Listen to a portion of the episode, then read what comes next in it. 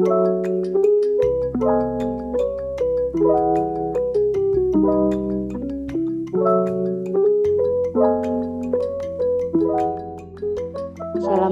warahmatullahi wabarakatuh. Hai teman-teman semua, welcome back to Anesthetic Podcast. Sebelumnya izinkan kami dari kelompok 7 untuk memperkenalkan diri. Halo, saya Putri Pita sebagai host. Di sini saya juga ditemani oleh ketiga teman saya. Hai teman-teman semuanya, saya Gugu David Kusworo sebagai pemateri pertama. Saya Lutfi Patricia sebagai pemateri kedua. Dan yang terakhir adalah saya, Akram Temu Milano, sebagai pemateri ketiga. Di episode kali ini, kita akan membahas suatu fenomena yang cukup fenomenal. Kalian tahu apa itu? Hmm, apa tuh? Apa ya? Nah, apa tuh? Pasti pada penasaran kan? Oke, clue-nya salah satu fenomena alam yang sedang terjadi di Indonesia. Ayo tebak Kak, apa itu Kak? Hmm, kekeringan bukan kak?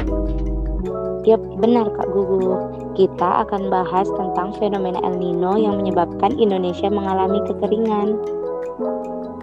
Nah, kebetulan beberapa tahun belakangan, tepatnya 2015, Indonesia mengalami bencana kekeringan El Nino bencana kekeringan di berbagai daerah di Indonesia yang sangat terasa.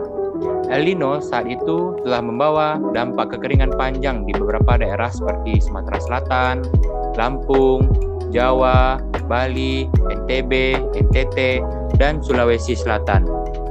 Pada musim kemarau ini, di Jawa, Bali, Nusa Tenggara, terjadi defisit air sekitar 20 miliar meter kubik. Saat ini, Kekeringan telah melanda 16 provinsi meliputi 102 kabupaten atau kota dan 721 kecamatan di Indonesia hingga akhir 2015. Lahan pertanian seluas 100 111.000 hektar juga mengalami kekeringan. Sebelumnya, kalian tahu nggak apa itu El Nino?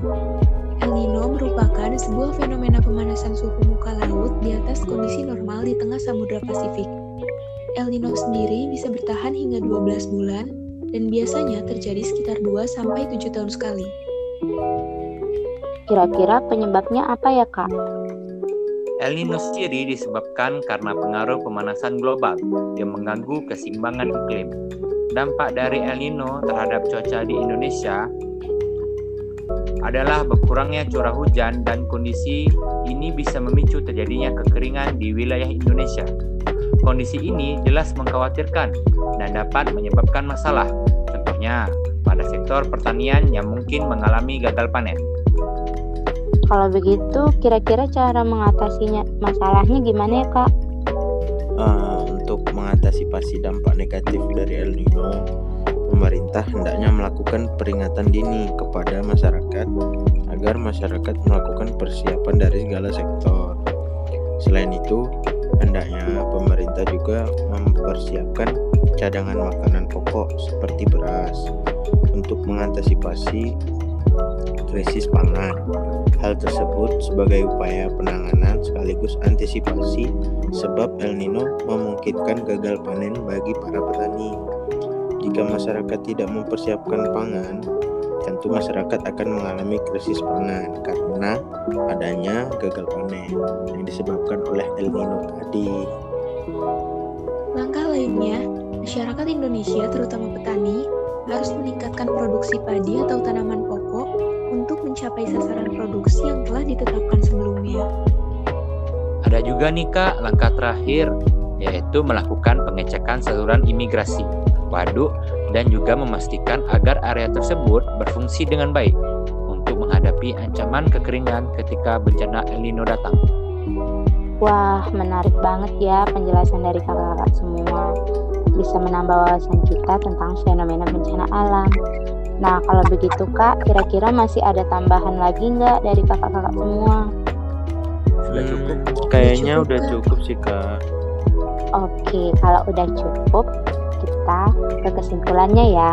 Oke, jadi teman-teman semua, kesimpulannya penting bagi kita untuk menjaga ekosistem lingkungan agar tidak terjadi pemanasan global yang lebih parah dan terjadi bencana lain. Meskipun berbagai upaya untuk mengurangi laju pemanasan global tengah gencar dilakukan, namun alangkah lebih baiknya jika semua itu dimulai dari diri sendiri. Baik, terima kasih kakak-kakak semua yang sudah mau hadir dan berdiskusi tentang pengalamannya. Iya kak, Sama-sama. Mungkin cukup sampai di sini ya teman-teman semua pembahasan kita tentang bencana alam El Nino. Terima kasih yang sudah mau mendengarkan dan bertahan hingga akhir. Sampai jumpa di episode selanjutnya. Assalamualaikum.